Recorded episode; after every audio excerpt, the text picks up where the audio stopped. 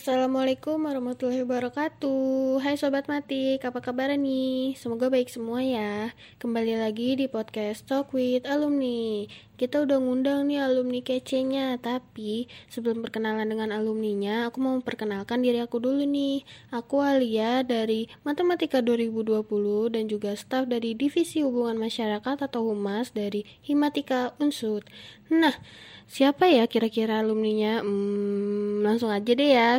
Kita undang ini dia Kak Arif. Assalamualaikum Kak Arif. Gimana kabarnya? Waalaikumsalam warahmatullahi wabarakatuh. Alhamdulillah kabarnya baik. Gimana kabarnya? Baik-baik juga kan semuanya? Alhamdulillah Kak baik. Semoga teman-teman juga baik ya. Oke, sebelum masuk ke pertanyaan seputar podcast nih, boleh dong kak perkenalan diri kakak biar pada tahu nih siapa sih kakak kece ini. Yuk kak, perkenalkan.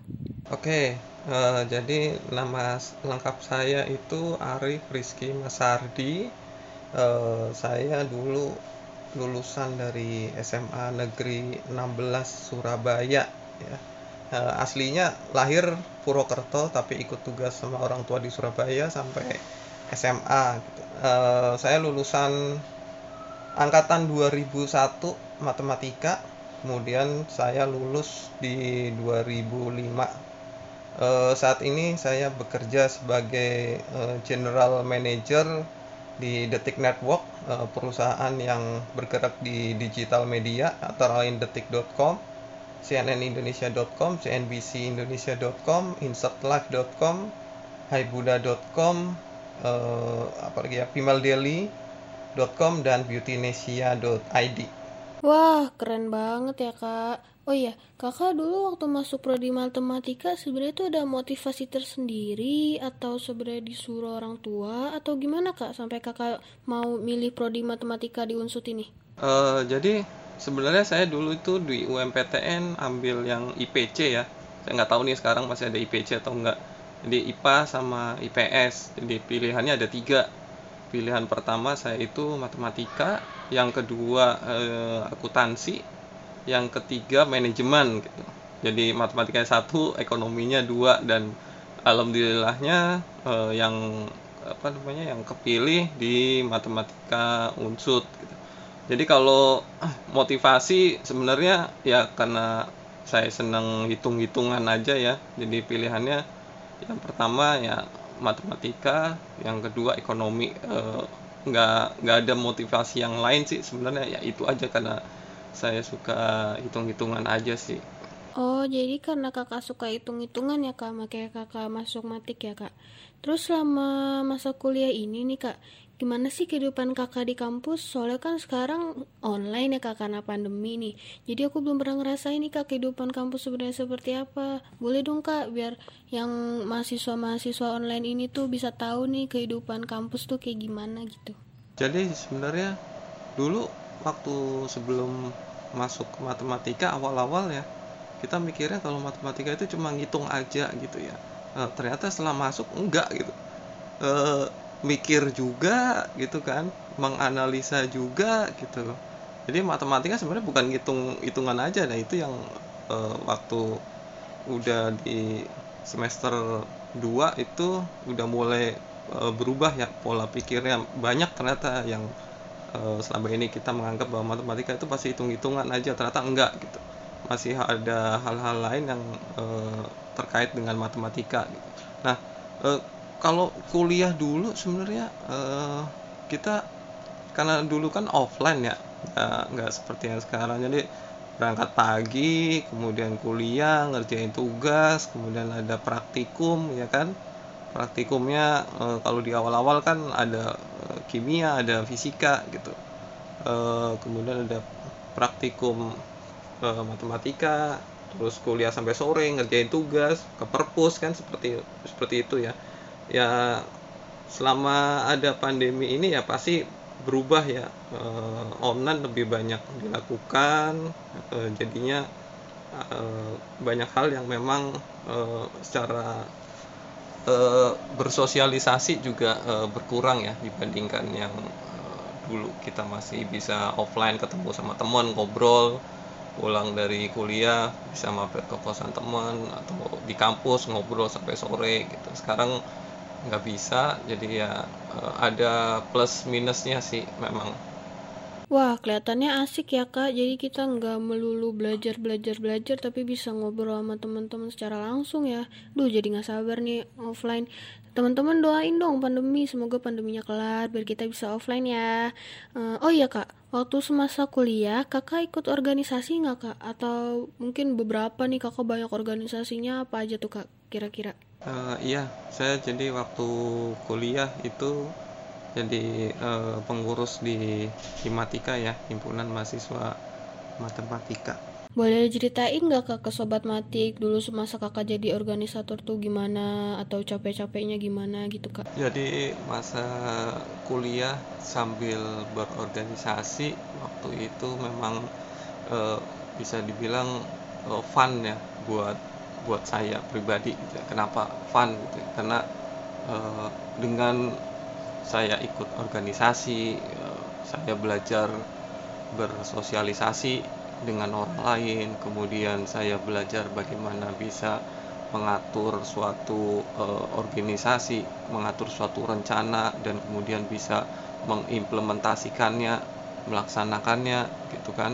Secara tim eh, gimana caranya saya bisa menurunkan ego pribadi ketika berhadapan dengan uh, tim yang memiliki pemikiran, memiliki ide yang berbeda-beda gitu.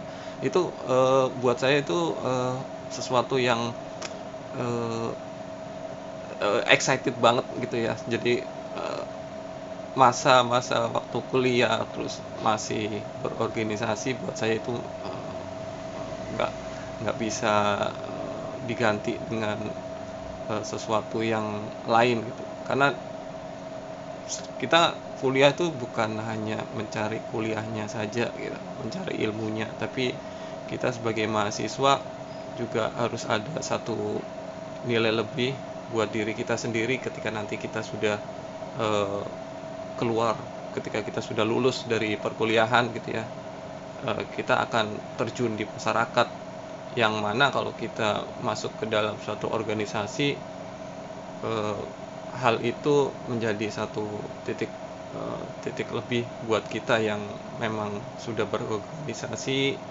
sudah tahu uh, segala seluk beluk uh, organisasi itu seperti apa jadi nggak kaget nanti ketika kita sudah bermasyarakat atau bekerja di lingkungan yang lebih uh, besar lagi dibandingkan uh, saat kuliah Iya, betul banget Kak. Jadi kita kuliah juga nambah pengalaman gitu kan ya. Nah, kan kita udah bahas nih tentang perkuliahan. Boleh dong Kakak cerita nih perasaan Kakak udah lulus dari Unsud gimana gitu. Terus Kakak ada kepikiran gak sih buat ngambil S2? Iya pastinya lah. Dulu selesai S1 pengennya mau langsung ngambil S2 gitu ya. Sampai sekarang pun saya juga kadang iseng-iseng tuh ngeliat uh, di universitas ini S2-nya apa aja, terus uh, biaya kuliahnya berapa gitu.